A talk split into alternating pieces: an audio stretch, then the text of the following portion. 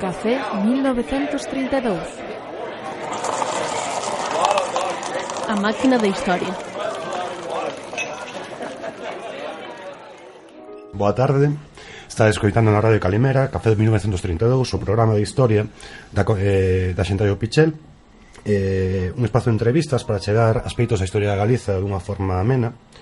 E hoxe estamos anfitrións eh, Elena Carro, eh, Andrés Sebane, que son eu, os mandos técnicos Jesús Rivera e como noso primeiro convidado eh, dentro da liña da Comisión de Historia de non facelo obvio non tremos un historiador, senón a un escritor a un escritor de narrativa eh, Marcos Calveiro que acaba de publicar o ano pasado a novela Fontán eh, premiada co Premio Narrativa Breve Repsol editada por Galaxia e vamos a falar da non tanto da novela, que tamén senón fundamentalmente a figura de Domingo Fontán, unhas figuras eh, máis importantes do da ciencia e, e en certo modo a construción do país no, no século XIX e empezamos coa primeira pregunta bueno, hola Marcos, que tal?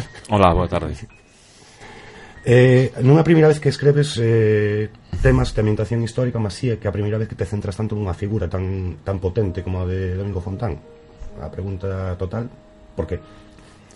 Uf, porque levo asesinado 30 anos con ela, aproximadamente, desde que lín alrededor de sí do Tero Pedrallo eh, remata a novela coa aparición do, do mapa de Fontán e Adrián Solovio pois prácticamente ten unha pezanía diante, diante dele eu obsesionei un pouco co, co mapa e co persoeiro. O mapa funcionou na xeración nos en xeracións posteriores de intelectuais galegos como un elemento simbólico da nación e do, do país pero a figura de, de Domingo Fontán sí que está máis eh, esquecida. Eu levo petiscando pff, en el e na súa vida, pois, tranquilamente 30 anos. Cada vez que atopaba unha información, un detalliño, guardaba e pouco a pouco fui construindo así a, a novela. As túas fontes, cales foron? Foron fontes documentais? Fundamentalmente foron fontes documentais, as poucas ensaios ou monografías relacionadas con, con el, e logo todo tipo de monografía histórica que percorre o século XIX. Evidentemente, ele está na Universidade de Santiago, a Historia da Universidade de Santiago de, de Barreiro, a, visitei varios arquivos, os arquivos de Madrid da Real Academia de Historia, onde Fontán foi partícipe, as atas do Congreso dos Diputados, onde están recollidas as súas intervencións no, no Parlamento. A ventaxa é que facer eso hoxendía é moito máis doado que hai o mellor 15 ou 20 anos gran parte desos fondos están digitalizados. E logo hai unha ferramenta maravillosa que é Google Books para pescudar calquera referencia a Fontán en todos os libros de ciencia do século do século XIX e logo visitar in situ os lugares, a súa casa, a fábrica de papel de Lousame e logo moitísimos deses puntos xeodésicos que marcou na, na xeografía galega mentre fixo o mapa. Pois cada vez que andaba por aí de centro en centro dando charlas por a miña faceta de escritor de literatura infanto juvenil, pois e atopaba un deses puntos se eu deseo que quedaba preto, pois alá iba. Eu non iba nun burro, no 19 como Fontana, senón que iba en coche, pero bueno, teñome perdido, escapado de cans, eh, dando voltas polo monte, por pistas, buscando eses, eses puntos. Fundamentalmente, gran parte foi un traballo de, de campo. E hai que recoñecer que hai moito elemento histórico real na novela, pero gran parte da novela está totalmente ficcionada, evidentemente como as mm, rochas estas, mundo, mundiño hai tal rochas. Sí, sí, calqueira que vaya a súa casa en Porta do Conde pode ver aqueles grandes penedos que están ao lado da súa casa. Eu A miña primeira idea foi escribir unha novela infantil, aínda que ou juvenil, aínda que sou un pouco extraño. A mí me interesaba sobre todo o rapaz. É dicir, como na que un rapaz, aínda que sexa dunha familia relativamente acomodada para acabar estudando no 19 na Facultade de Santiago, nace esa pulsión polo saber, polo coñecemento, polo coñecemento cien, científico. Tiña que haber algún momento, algún elemento na súa infancia, algunha pequena epifanía persoal que o leva por ese, por ese camiño, non ser eh, abogado, médico ou, ou empresario ou, ou cura, como seu tío. E cando visitei a súa casa descubrín aqueles dous penedos que están a escasos 20 metros da súa casa que teñen forma circular, un máis grande, o mundo e outro máis pequeniño, o mundiño, como din en chamarlle na novela, pois foi velos e decir, aí está, están prácticamente eso, a 10, 15 metros da súa da súa casa e, e realmente a novela é un percorrido circular comeza nesa pedra e remata nesa pedra. Porque valeste esa metáfora para eh, destacar algún rasgo da personalidade do protagonista. A ver, supoño que Ainda onte o decía nunha entrevista que saiu publicada no, no diario de Pontevedra eh, Fontán é case un personaxe de western.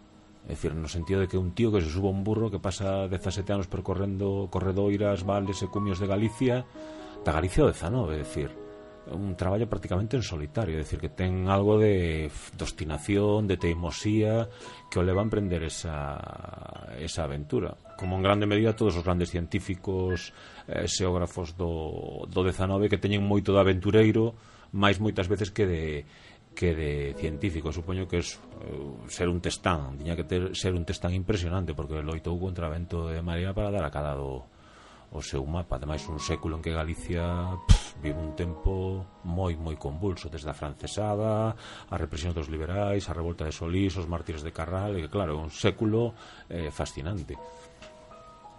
No, precisamente nesa, nesa vía e voltando ao tema da infancia, eu lendo o libro Eh, a mí pareceme que, que a vida de Fontán é un percurso moi interesante, porque aparte ten unha vida moi longa, é raro nesa, nesa época ter, claro, nace no finos do 18, 1788, morre no 1866, prácticamente colle todo que sería a transición do, an, do ancien regime sí, a, a modernidade. a modernidade, si sí mesmo e como eh, a, digamos, a historia intelectual que hai por detrás non? Ese primeiro contacto, ti, por exemplo, eh, polle un nome a, ao francés, ao cura francés exiliado que, que ensina. É, é real ese personaxe? Eh, teóricamente, polas informacións históricas que hai, el aprende francés con un cura francés que escapa da Revolución Francesa. Houbo moitos que chegaron a, a Galicia naquel, naquel tempo, desde o porto de Labre, e chegaron a Galicia, estiveron en Galicia, Eu realmente bautizo, digo que bretón, porque me gusta moito a Bretaña e os bretóns, evidentemente,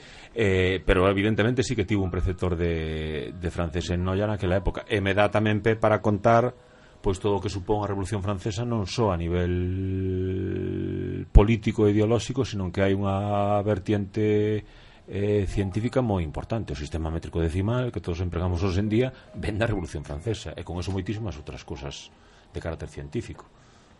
Claro, e se non esa liña, o, como esa evolución chega á Universidade de Santiago de Compostela, ten ese profesor de matemáticas que tamén despois eh, director do observatorio como en Madrid, como tamén foi el.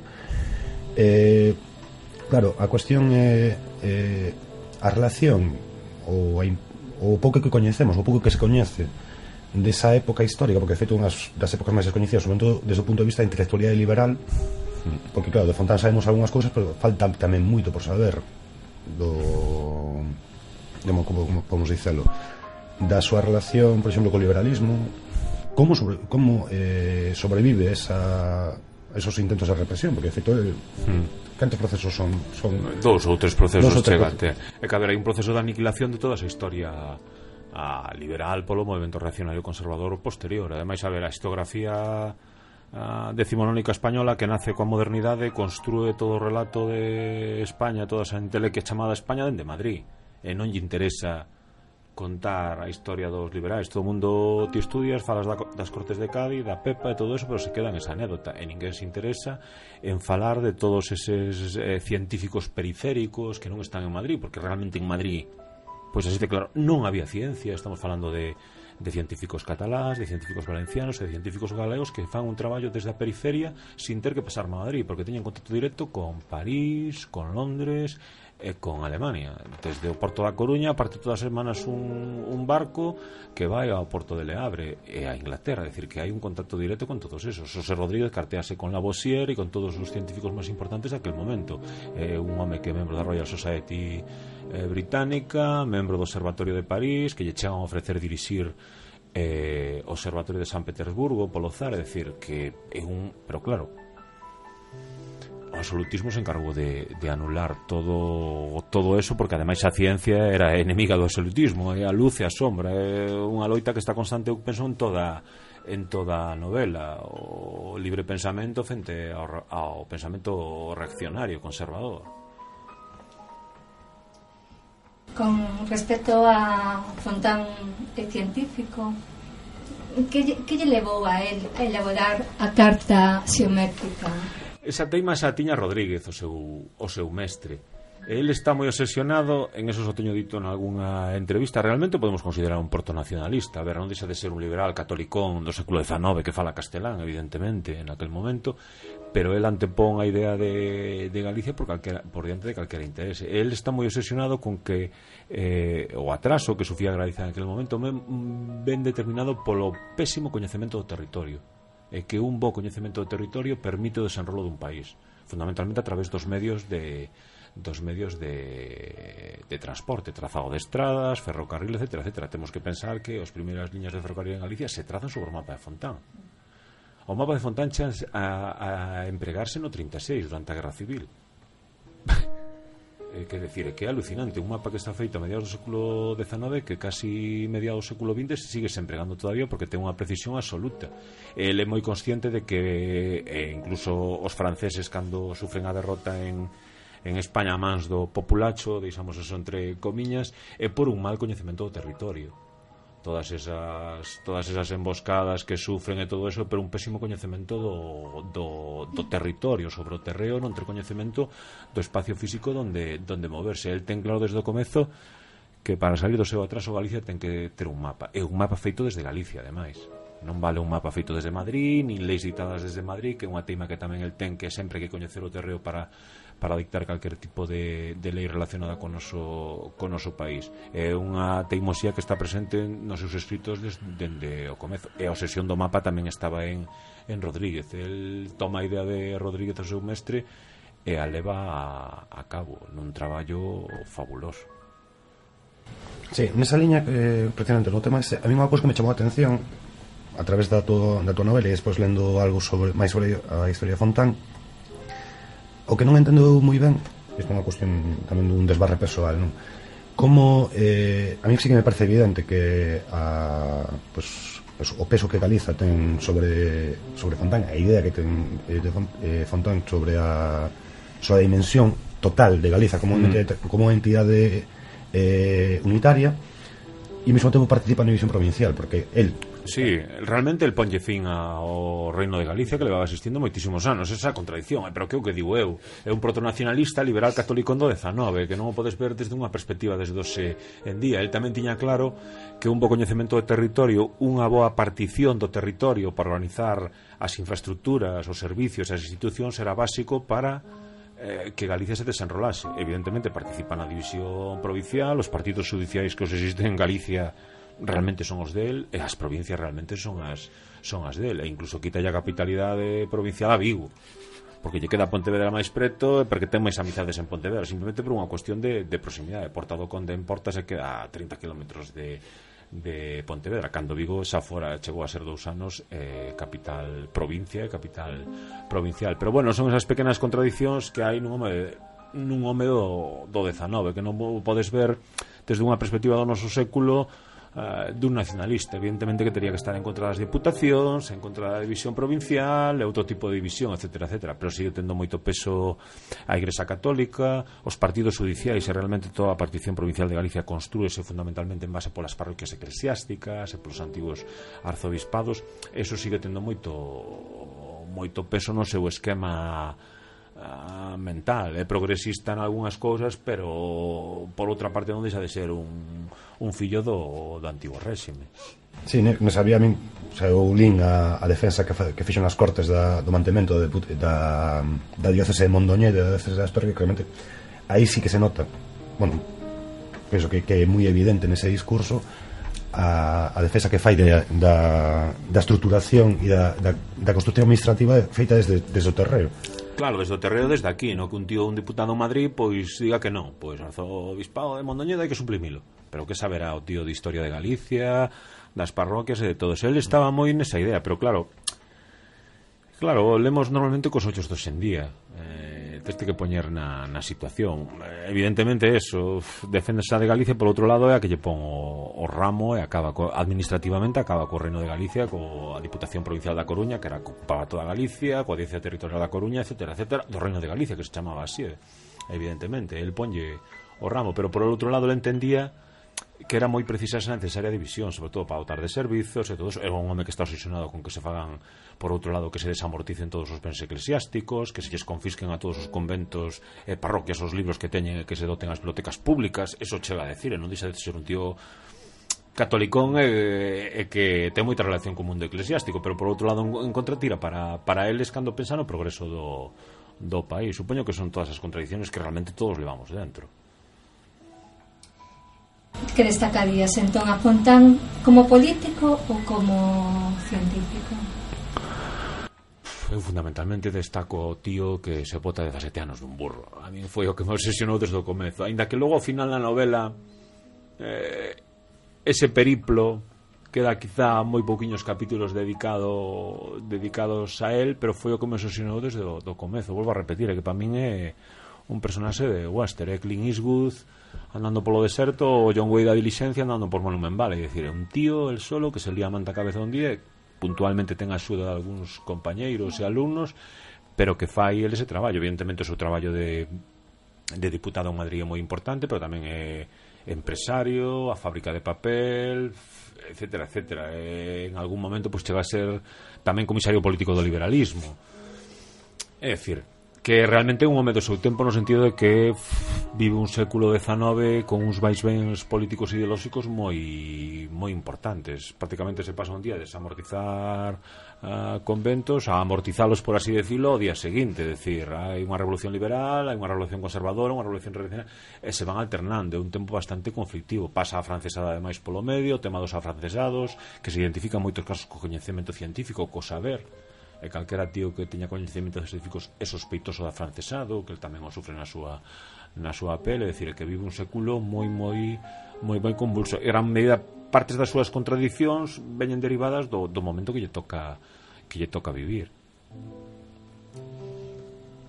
Eh, hai un capítulo que faz unha pequena descripción de unha nena na que pois eh, tenta eh, eh todas as tiñas tenta gabear por unha pola rocha, polo mundo e que el a observa dende a súa xanela. Esa licencia literaria Pois é unha licencia eh, literaria como hai moitas. A ver, escribes unha novela sobre 19 o papel das mulleres? Digo eu. Por eso, por é o que é relevancia. De relevancia un personaxe femenina, ainda que, ainda que non sabemos quen é, anónima, pero que el admira ese papel desa de muller, eh, que se identifica un pouco con ela porque el de pequeno era dos pequechos da aldea, sempre tuvo foi un tío bastante tu, tivo sempre eso que se chama unha mala saúde de ferro. Pero malia que en as páxinas eh, anteriores non eh, describes como a rapazada pois non permiten que as, as mozas Gabén, por a súa condición de ser mozas, por esa rocha e el o ve con vos ollos, non? Era como unha especie de guiño. Sí, é un pequeno guiño ao lector realmente ao lector dos en día. Supoño que, que, que Fontán non no pensaría no pensaría eso, pero que eh, que eran as pedras me, me maravillaron desde o comezo sempre pensei na, na nena arrichada que tenta que tenta que tenta gabear, así como realmente pois personaxes femeninos na novela están moi moi en segundo plano en todo momento, hai aparicións puntuais, a figura da súa muller, a figura da súa da súa filla morta, outra rapaza que ve un muiño de repente que queda aí deslumbrado outra, por ela. Outra que me chamou a atención é a, a irmá Rosalía, que outra richada máis, pero é por darlle certa relevancia a algún personaxe eh, femenino da novela naquele momento as mulleres pois tiñan o papel social que que, que tiñan ter fillos, coidar deles, estar na casa e, e nada máis. Era un papel moi pouco relevante na, na vida familiar ou, ou social. Era por eso, pois, un pequeno guiño a lectora de hoxendía, porque además son as que leen, as mulleres, os homens non leen. Quitando tamén a astrónoma. Ah, bueno, xa, pero é un personaxe histórico que me, que, me, eh. que merecería unha unha, unha novela aparte, pero desas hai moitas científicas esquecidas eh, que quedaron en segundo plano polos seus homes ou polos, polos xefes dos equipos en que, en que traballaban, quitando Madame Curie, que sí que evidentemente a todos nos, nos soa, logo todas esas eh, científicas do, do 19 están moi esquecidas como a parella de Voltaire, a que traduce os principios de Newton ao francés, do latín, etc, etc, que é unha gran divulgadora e hai quen di que incluso escribía moitas das obras de Voltaire quedaría para outra novela, pero bueno, son desos personaxes femininos perdidos na historia que son dignos de, de reivindicar. E esos elementos femininos que hai na novela, pois pues, esos son pequenos uh, pequenos guiños, pero en min cando estou escribindo nacen como pequenos flashes. Ah, pois estaría ben que unha rapaz intentase subir o que el non era capaz. E surda aí esa figura. O que a filla pequena, a irmá pequena, fose arrichada da, da familia el, eh, non el que é un pouco cobardón. Pois é por quitando. Supoño que naquela habería moitas mulleres dese tipo, malo que evidentemente non pasaron a historia nin están recollidas nos libros.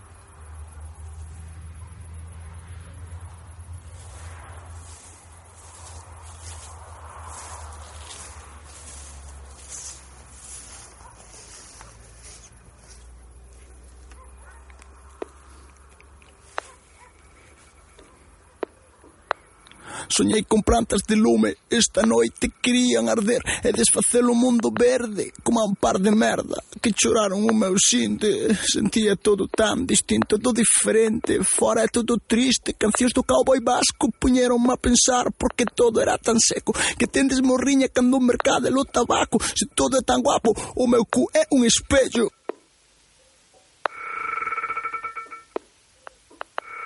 E moitos presos e ignorantes falan de outros lugares Onde chove viño e vives nun orgasmo continuo O brillo das luces cegou os seus ollos oh, Eles son os que non teñen collos E mollos pés todos os días E as flemas son os meus tas Expandindo os meus conceptos como un anxo que cuspe merda. A erva orballada calmará os nosos calcañares Antes que todos somos compañeiros de viaxe.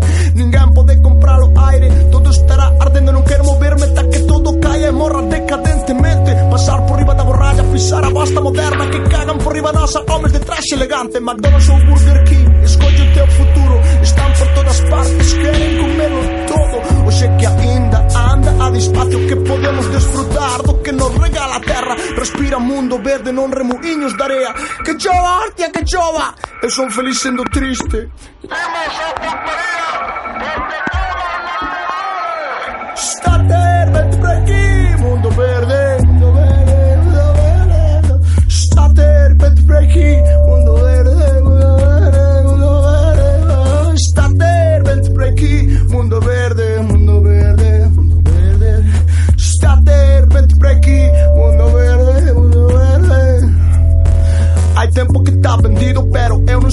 passa que a gente não é mais que chora quando vêm as desgraças. Nós não começamos isto, bota as culpas aos fachas. Somos outra peça da Xollante da esquina, furando na mina Fumando educado no mundo mollado en gasolina Sarandongo, apura que mañá eche domingo E os teus fillos se escacharán con letras como esta. Imos enchernos de churrasco antes que os porcos non teñan cabeza Con viño do país, da casa dos nosos pais Cando mal ataca na raíz Xa vai o carballo pro carallo O sal da vida está cheno de detalle Que buscas, ti que podes Que faz que non te moves.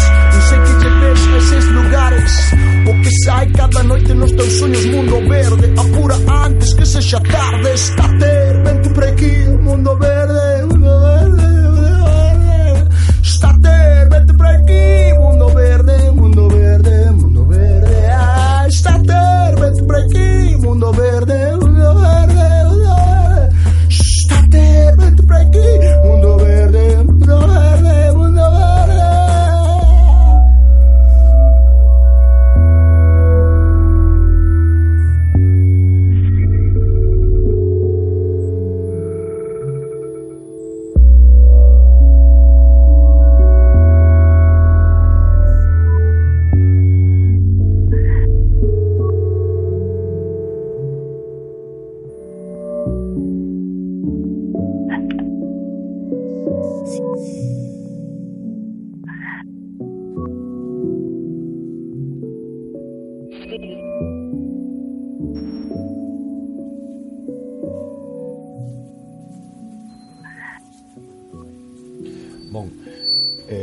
Chuelena Continuamos co café. Eh, fai, eh, fai un momentiño facer referencias a, a, a mala saúde de ferro de, de Fontán. Eh, ti no libro faz unha o sea, nun dos capítulos falas da, da intención que tivo Fontán de alistarse no batallón literario mas que non admiten. Esa, esa tan aficionalizado é real? No, esa é real. Non sei por que non admitiron. Ao parecer, ao parecer por, un, por un problema de por un problema de saúde, pero non cheguei a encontrar o dato concreto que problema de saúde. Supoño que un problema de respiración, algo relacionado con asma, con asma ou con algo así, pero a súa intención sí que é eh, enrolarse como realmente fixeron o 99,9% do estudantado portugués, eh, portugués perdón, santiagués naquel naquel momento. Ademais é que che convalidaban. Sí, sí, sí, sí, coño, que era eh, que era caralludo, convalidabanche o, o tempo de campaña como se fixeses un curso universitario. Houve moita xente destos que levaban estudiando en Santiago 15 anos e que non daban feito unha carga que pensaron, coño, vamos tres meses de batalla se pensaba ademais que iba a ser algo bastante eh, sinxelo e eh, eh, doado eh, volvemos e volvemos con un título de bacharelo un título universitario e cobraba un salario sí. o malo que logo foi unha escabechina e os franceses os pasaron un pouco. Iba a dices esa parte, porque a taxa, a taxa de supervivencia da primeira leva do batallón literario é, é mínima. É mínima, me parece que unha 20 ou algo así. É, é, eh. é unha auténtica unha auténtica masacre porque os, os masacran a todos nunha, nun par de batallas en en León. Pero claro, non deixaban de ser estudiantes sin ningún coñecemento con unha instrucción feita aquí, me parece, no Outeiro de Santa Susana durante tres días que se enfrentan naquel momento ao mellor exército do mundo a un dos mellores exércitos da historia universal da, da historia militar, é dicir que o exército francés con unhas estrategias, unhas tácticas eh, impresionantes e moi ben moi ben dirixido. E claro, foi unha auténtica unha auténtica escabechina.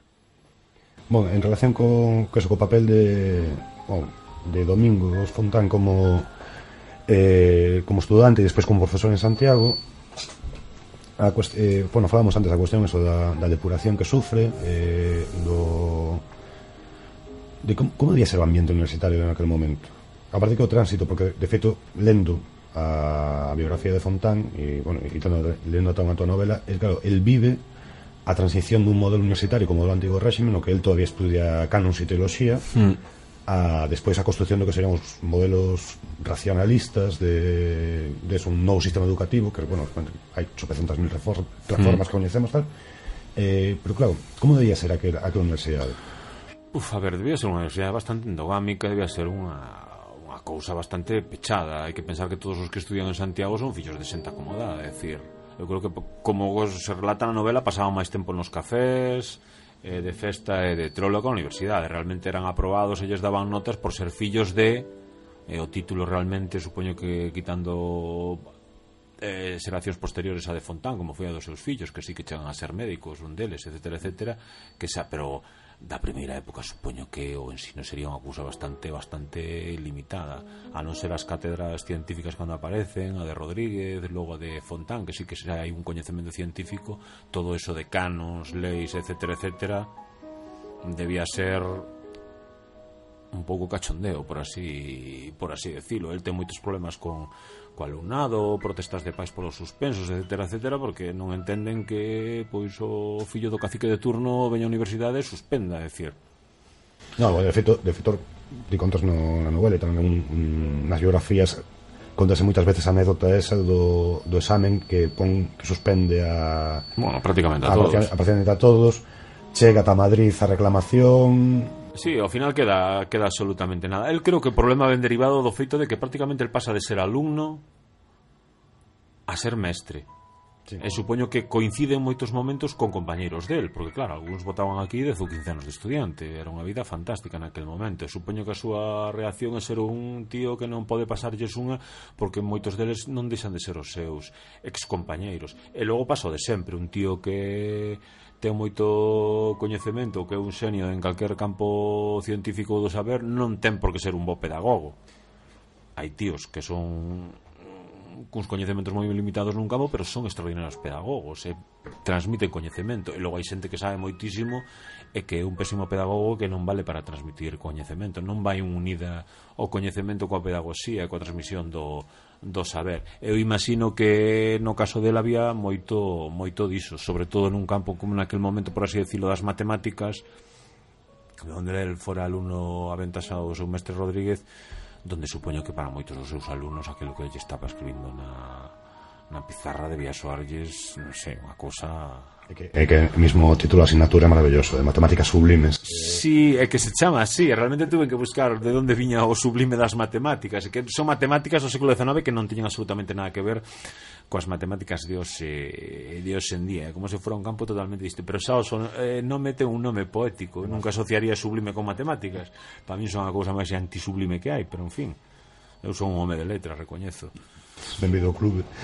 Eh, seguindo co tema este de, bueno, seguindo co tema de Compostela e como aquí somos picheleiros de pro, de feito, por propio numa asociación xa tal, a min chamou moita atención que de feito un dato que non coñecía, sí que, sí que sabía o, da, o de que o punto cero que, te, que marca o da torre do reloxo, que esa parte de, eh, insistes moito nesa precisión que se busca cas casi 200 medicións consecutivas para conseguir delimitar a longitud e a latitud do, da torre reloxo chamou moito máis a atención todavía o da mm, o do trazado da primeira base do, tri, do primeiro triángulo da a de Boisaca. de Boisaca. bueno, que aquí se, aquí máis coñecía como a reta da finsa ah, sí, a Rata da finsa que está afinada. final bueno, eh, naquela Boisaca formarís lle chama a Fontán nos seus, sí, a, nos seus libros Boisaca, Boisaca formarís Eso é algo alucinante, que é un tío que vai con unhas varas de madeira, por explicadas sinceramente, con catro varas de madeira, de, de Pinabeta, que me sí, moita gracia. É unha madeira sí. que é moi dura, que resiste moi bons elementos, a calor, a chuvia para que non se dilata, leva unha medida moi precisa. E con catro mesas, pero tal cual, mesas de madeira, van deitando unha mesa atrás de outra nunha reta de casi 3 km para dar a medición exacta. E o fan nun tempo récord. E a todo isto empregando un teodolito e comprobando con un metro que tiñan eh, metálico a dilatación da madeira para que a medición fose fose exacta, claro, pero se o pensas que son aí ele dous asudantes poñendo unha mesa durante non sei cantos días botan unha detrás de outra para medir unha, unha reta aquí nas aforas de, de Santi. Claro, que a mí me parece algo tan alucinante tan extraordinario, tan casi non sei, como atopar a fonte, as fontes do Nilo non sei, parece unha aventura eh, extraordinaria e, e cos medios moi moi limitados. Cando se fai o mapa xeográfico nacional español pff, unha compañía de zapadores se tira dous anos achandando o terreo para pedir a primeira recta na que se basa o mapa xeográfico español. El fallado Corgo en Lugo en 10 días el só prácticamente e o exército español tarda dous anos en facer a do mapa nacional e prácticamente en distancia son equival equivalentes e se trabucou moi pouquísimo nas medicións ademais, cos poucos medios que tiña aparellos científicos o malo que era un tío moi preciso, moi metódico que repetía moitísimas veces a observación, a comprobación, os instrumentos que non se desasustasen, a dilatación dos instrumentos tamén, etcétera, etcétera. Debía ser un tío sumamente metódico, pero bueno, como aquel científico, a ciencia fundamentalmente é método. Xa, no, de feito, a, eh, a min chamou a atención porque, bueno, por motivos eh, de investigación no meu caso, eh, que unha non sei se é unha chiripa ou, un, ou realmente se que pode buscar unha relación realmente que existe esa recta a recta de Formarís eh, Boisaca ten moito a ver ca ilustración tamén porque o, a estrada de Coruña Santiago é unha, é unha estrada que se traza no século XVIII dentro do contexto do despotismo ilustrado, non? Que, que unha da, pois, de feito, eh, ora Elena marchou, pero foi unha conversación que tivemos onte. A realidade de, de, o difícil de buscar unha liña de continuidade, pero que existen liñas de continuidade na evolución do, do progreso tamén no noso país, non? De como Sí, evidentemente. O que pasa que aquí casi vivimos o século das luces que debía ser o de, que foi o 18 na meirande parte dos países europeos, prácticamente vivimos no 19. O vivimos no 19 realmente en canto ao coñecemento o coñecemento científico. Que pasa? hai saltos cronolóxicos. Podes reivindicar figuras do 18 aí hai un corte de X anos e volven a surdir estas figuras no, no 19 pero evidentemente sí que hai unha continuidade. Non é cronolóxica nunha liña nunha liña temporal pero sí que aproveita moito o traballo de xente de ilustrados do, do 18 malo que logo como consecuencia do, do absolutismo español pois hai unhas zonas de sombra e de corte onde todos esos elementos desaparecen hasta que ve unha xeración posterior que os volva a recuperar e que ten a suficiente libertade político ideolóxica para poder reivindicar esas, figu esas figuras e poder aproveitar eh, traballos anteriores. El tivo moitísimos problemas para encontrar as rectas, que parece unha chorrada, pero atopou a de Santiago e como o mapa faise deitando triángulos un sobre outros mediante trigonometría e angulación, chega un momento en que chega a Lugo e os triángulos se lle deforman tanto que non é capaz de asustar os ángulos e necesita buscar, necesita trazar outra reta para, para facer o mapa da parte oriental de Galicia. E tarda moitísimo tempo a topar un lugar o suficientemente limpio xa para poder para tober, poder tomar as medicións. Claro, ti antes falabas eso da, da dimensión épica dun traballo de campo de 17 anos realmente é, eh, é eh, increíble que, que un, pues, un, que un paisano vaya, vaya con unha mínima axuda tal, e que vinda por encima eh, que é unha cuestión de que o último ano que o ano 34 hai unha guerra Sí, realmente hai unha guerra transita por unha, por unha guerra. A ver, non teño moi determinado teño anos en que si sei exactamente cantos meses anda de, de estradas, por así decirlo, de corredoiras, e que tempo está noutros traballos, pero logo hai anos en que descoñezo o tempo que pasa fora de casa, tal, pero realmente si, sí. e logo non só son esos 17 anos de, de andar de corredoiras, e que logo tarda oito anos en imprimir a carta, con os problemas burocráticos, denuncia que se se quedou con cartos, lle secuestran as planchas, as planchas orixinais, as planchas litográficas desapareceron para sempre, perderonse, non hai constancia delas hoxe en día donde, donde están. Mapas eh, teóricamente quedaban moi poucos. A raíz da publicación da novela xente que se puso en contacto comigo polas redes sociais hai mapas orixinais de Fontán moitísimos máis dos que eu eh, pensaba. Supoño que moitos deles nun estado de conservación bastante bastante lamentable pero incluso despachos de médicos algúns pazos galegos eh, a sede de Montañeiros Celtas de Vigo ten un moi ben conservado, nunha vitrina en perfecto estado, pero logo sei de pazos e de domicilios particulares donde hai algún estado lamentable pendurado nunha parede e non saben nin o que nin o que tiñan. Cando eu tiña máis ou menos contabilizados que había unha dúcia entre institucións e algún preboste privado que ten un no seu, no seu poder e resulta que ahora debe haber como Ah, a 20 ou 30 máis ou menos que me chegaron informacións a raíz de que publiquei a novela Xente Caleo e me mandou un comentario a través das redes sociais de que eu vin a pan tal sitio ou aí estén tal sitio porque vin cando visitei este pazo. Eu non tiña coñecemento de decir que nin sequera hai un, un inventario dos que hai, que además están numerados hai que ver se son da primeira, da segunda edición é dicir, que nin existe ese traballo. Sí, porque o total de, de edicións andan por volta dos mil, non?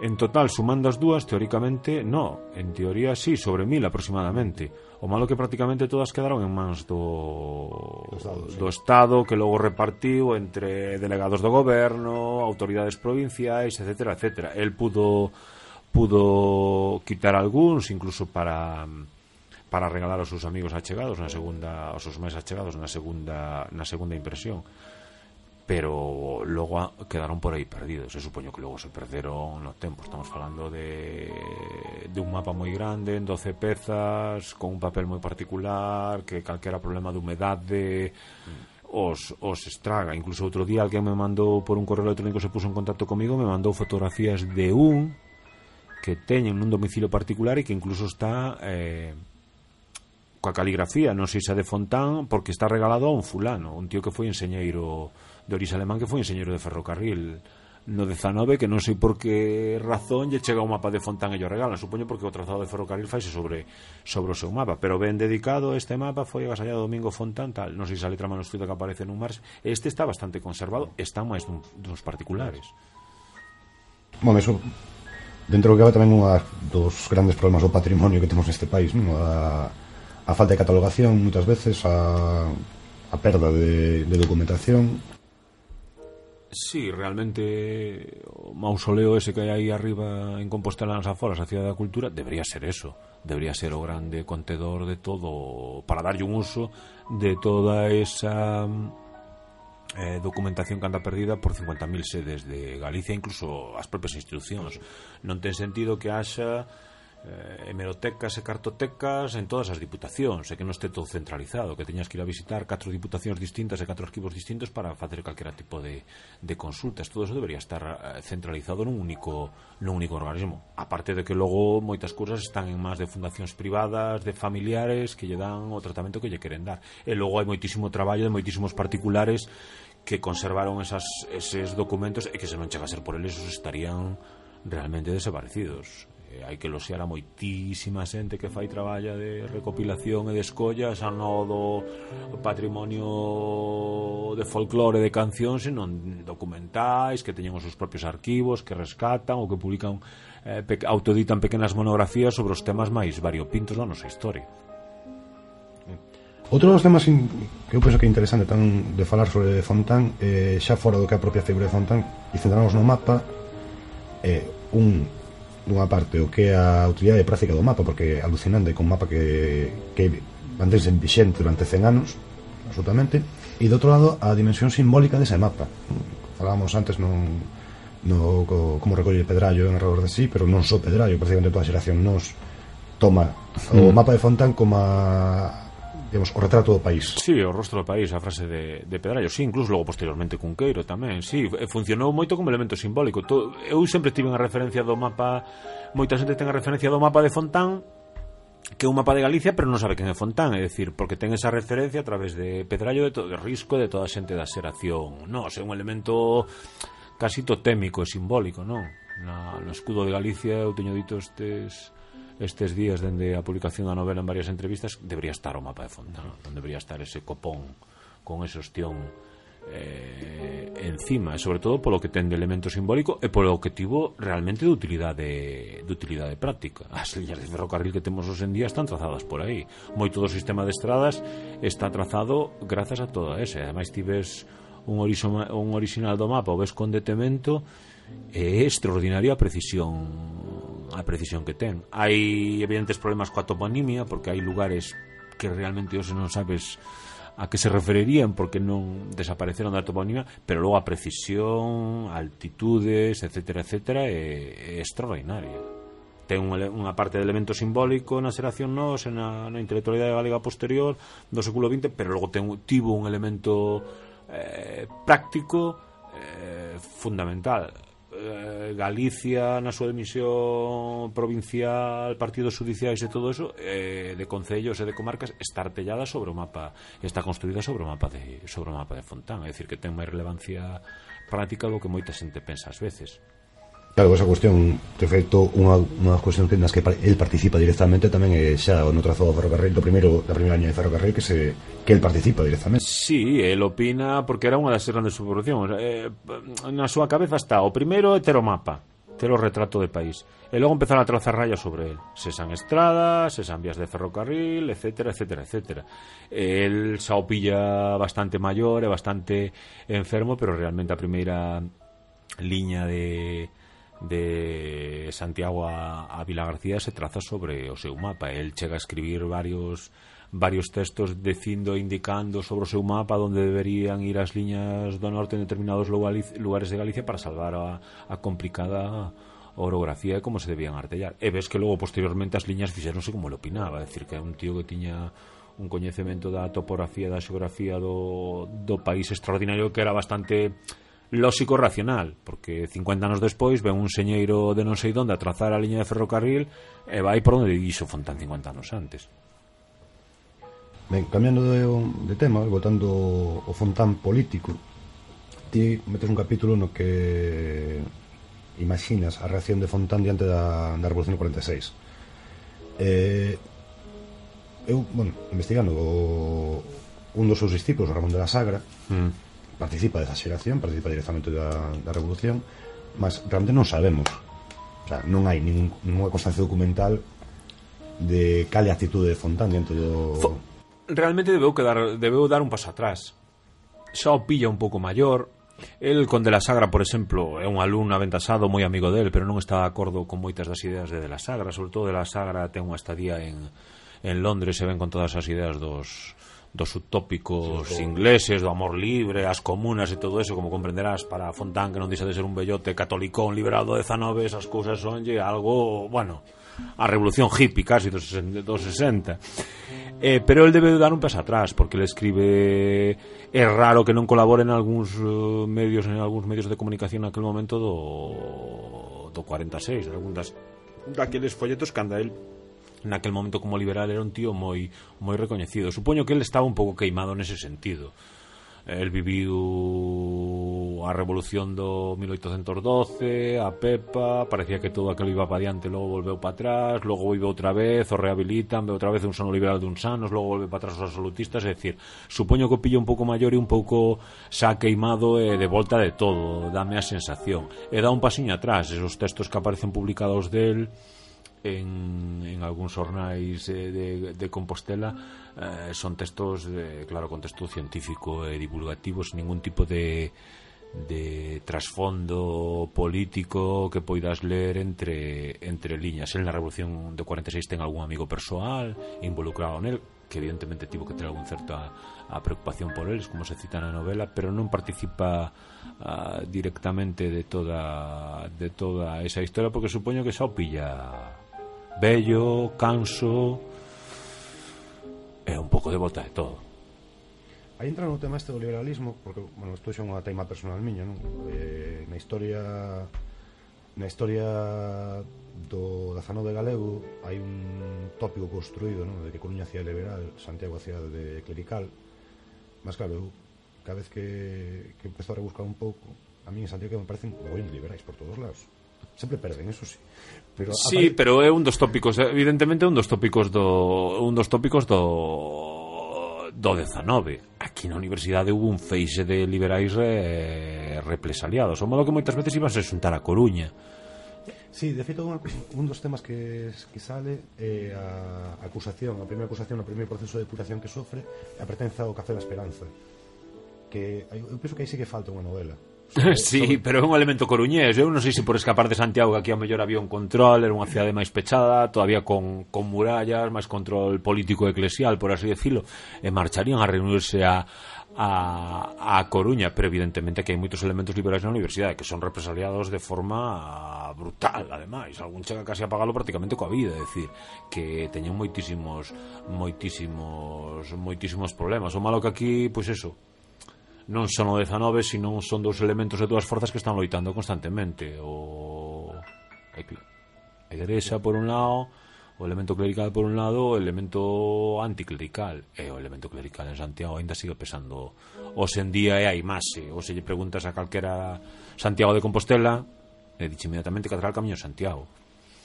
Non che di universidade, non, che, non ten outra, outra referencia. Supoño que é un tópico como hai outros moitos na nosa na nosa historia, eso da Galicia profunda, país illado, etcétera, etcétera. Pois non, mire, aquí había un científico no XIX que se carteaban con mellor da ciencia europea.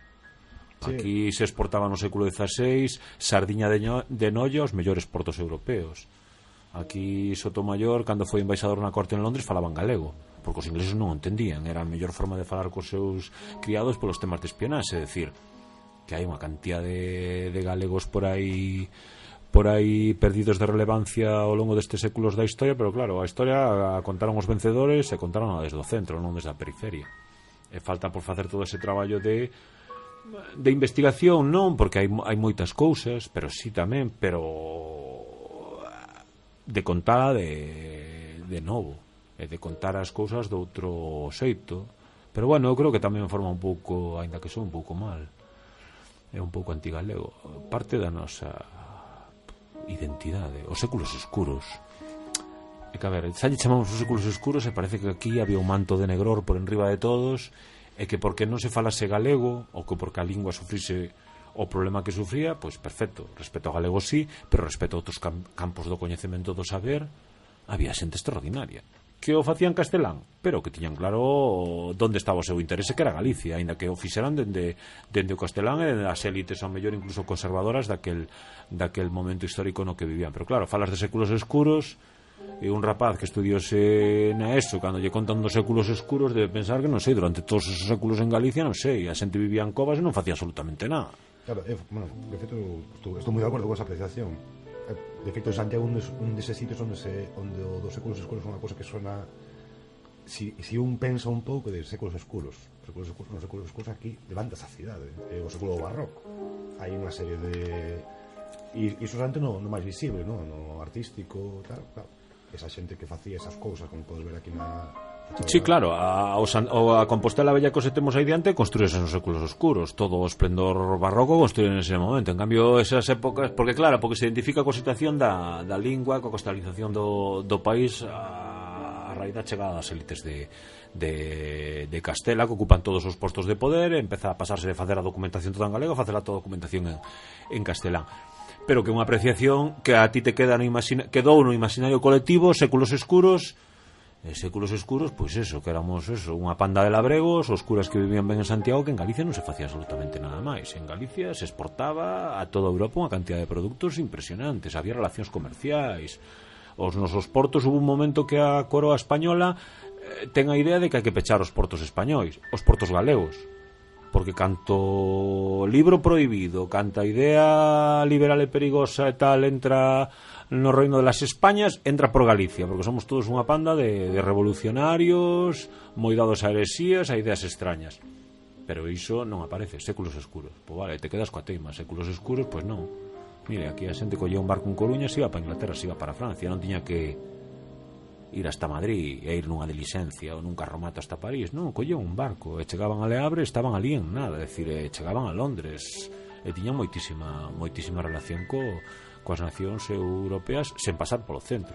O malo que, claro, se construiu moitas veces o discurso da nosa historia se construiu desde desde a lingüística, por así decirlo, desde a situación da lingua e moitas veces Galicia, a nosa cultura, houve un determinados momentos da historia que evidentemente non era só lingua, eran outras outras moitísimas cousas. E é unha pena porque logo temos esa imaxe de que, bueno, de que mesan por nós e decimos que chove. Eu creo que ven un pouco desa historia. Moitas veces construíse o, dis o discurso histográfico eh, historiográfico a partir da, da historia da, da nosa lingua e da situación da nosa lingua. Eu creo que en moitos casos foi contraproducente ante a nosa identidade como povo e como, e como país non tan directamente relacionado coa lingua é fundamental a lingua, evidentemente eu escribo en galego, falo en galego, son un autor eh, en galego eh, pero a efectos da identidade de identidade colectiva, de orgullo de país e todo eso, pois ese discurso eu penso que habría que cambiar o nome. Meu fillo sigue estudiando séculos escuros, que me parece alucinante en cuarto de eso. É que claro, quédase con esa historia, ostras, séculos escuros, Galicia, séculos escuros. Pois quedouse con eso, con séculos escuros, que aquí non había nada. E en Galicia, nos séculos escuros, pasaron un montón de cousas extraordinarias no campo das artes, no campo das ciencias, etc. Que estaban feitas en Dendo castelán, e que a xente que os facía falaba castelán, vale, pero eran galegos. E moitas veces con unha idea de de Galicia dun verdadeiro protonacionalismo, aínda que falasen en que falasen en castelán extraordinario. Pero claro, te quedas co San Benito ese de séculos escuros. E 30 anos despois de que vos estudiase seguimos igual, cos séculos escuros. Bon, xa vendo, podemos ir rematando. Moi ben. Se...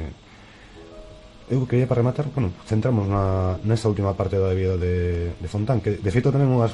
Eu supoño que sería por, por vivir tantos anos que finalmente eh, fecha un ciclo, non? Que efecto tiene na, na tua novela aparece moi ben reflectido. Conta unha persoa que desenvolve unha primeira etapa da súa carreira na Galiza, moi, moi longa, parte, eh, unha parte da súa do seu período vital pasou fora da Galiza, entre Madrid e, e despois foi un certo tempo que tamén pasar por en París. Mm. Eh, boa parte dese tempo dedicado a a supervisar a impresión do, a impresión do, da, carta do da mapa. carta e finalmente na, na última súa, etapa da súa vida volta a Galiza volta a Galiza volta a, non sei, non sei se volta a docencia No, non chega a voltar a docencia eh. por así decirlo está como, por así decirlo, subilado eh, dedicas aos negocios familiares. Eso, dedicas aos negocios familiares, participa na Sociedade Económica do seu país, eh, aquí en Santiago, que de feito se participara na súa organización sí. no, despois a francesada. Eh, E curioso, non? De, de como un, unha das persoas que normalmente cando moitas veces que se fala desas personas do século XIX que van ao estranxeiro e morren no estranxeiro moitas veces bueno, en algúns casos morren porque teñen morros exiliados pero mm. neste caso que non, non lle fai falta exiliarse por sorte porque en algún momento pudo, pudo ter que vivir mm. e, e volta ao país e queda, e queda ao país eh, e en certo modo mm é semi-esquecido tamén, porque hai un... Inda que sempre se respetou a, a figura do, de Fontán polo mapa, fundamentalmente, mm. eh, ao que o seu papel como científico esquecese eh, un pouco e, sobre todo, o seu papel como político. Sí, pero bueno, que volvemos outra vez. A historia está contada como está, está contada por quen está. Eh, en no seu momento, volvemos ao que estábamos falando hai uns intres, eh, os séculos escuros e reivindicamos a mellor figuras moito máis modernas polo feito de que o seu traballo, aínda que o mellor mínimo, estea escrito na nosa lingua e non reivindica as figuras moito máis relevantes para o país porque o seu traballo está feito en castelán. É un pequeno problema que temos eh, que temos ás veces, pero Fontán levaba a palabra Galicia tatuada na frente. É que é unha pasada, lees calquer escrito calquer escrito del é unha teima continua. E supoño que el, en determinado momento volva a Galicia pois porque se ten que facer cargo da empresa a familiar, da papeleira de, de Lousame, ten fillos, ten familia e un pouco, pois, a retirada os últimos tempos. Evidentemente, para unha para unha persoa que na época foi moi lonxevo, porque pensemos que el non chega a ver o,